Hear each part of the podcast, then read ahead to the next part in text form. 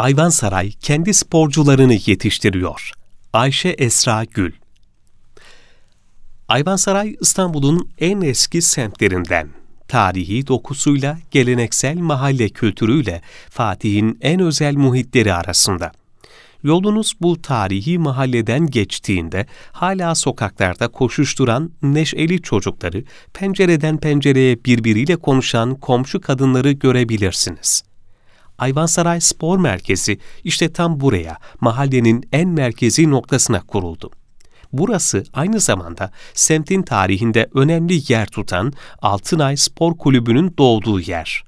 1500 metrekarelik alanda inşa edilen merkezin kapıları 7'den 70'e herkese açık. Spor severler, uzman antrenörler eşliğinde pilates, zumba, crossfit, boks, kickboks, spinning, kardiyo yapabiliyorlar bu merkezin nasıl oluşturulduğunu, burada kimlere nasıl bir hizmet sağlandığını anlatan Fatih Belediyesi Plan Proje Müdürü Sümeyye Koç bize şunları söyledi. Fatih Belediye Başkanımız Mehmet Ergün Turan Bey'in seçimden itibaren gençlere yönelik sosyal, kültürel ve fiziksel proje yatırımları ve uygulama hedefleri hep ön plandaydı. Bu proje ve yatırımlar özellikle spor, eğitim, kütüphane gibi alanlarda yoğunlaşıyordu.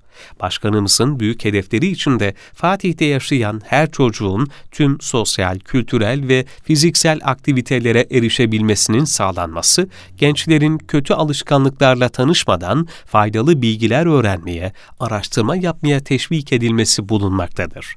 Bu doğrultuda ferah mekanlara sahip kütüphaneler tasarlayıp gençlerimizin bu kütüphanelerden özgürce faydalanmalarını sağladık.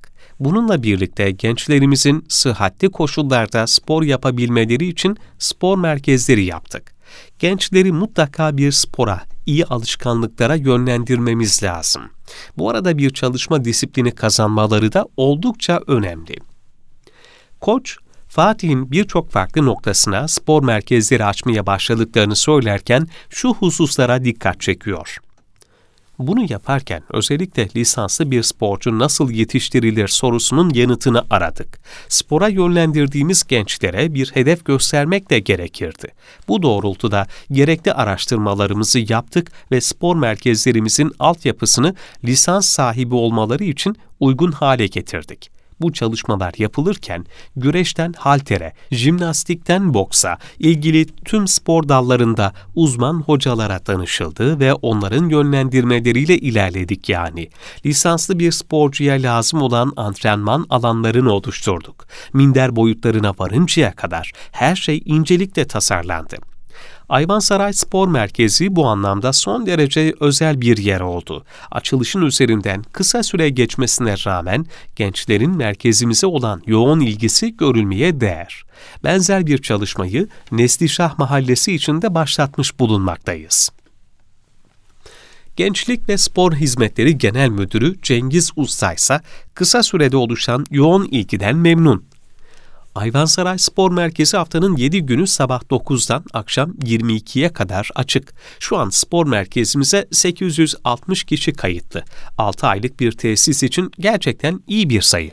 Bu bölgede eskiden Altınay Spor Kulübü vardı. İstanbul'un önemli takımlarından biriydi.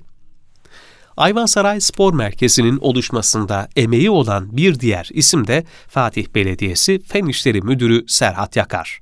Yakar, binanın çalışma öncesinde metruk bir halde olduğunu belirterek şunları anlatıyor. Fatih Belediye Başkanımız Mehmet Ergün Turan Bey geldikten sonra hemen bu konuya el atarak projelendirdi.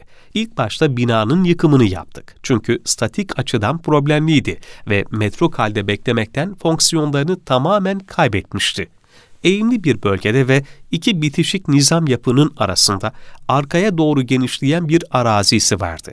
Kuyu temel yapıldı ve bitişik nizamdaki binalar güçlendirildi. Bu süreçler arazinin zorluğu nedeniyle 3-4 aylık bir zaman aldı. Sonrasında binanın statik kaba ve ince inşaatı tamamlandı. İç mekanda farklı alanlarda sporlar için antrenman alanları oluşturuldu. Bütün spor aletlerini önceden spor müdürlüğümüzün belirlediği standartlara uygun şekilde aldık ve montajlarını yaptık. Sonuç olarak ortaya güzel bir spor merkezi çıktı. Yapının mimarı Bora Diken.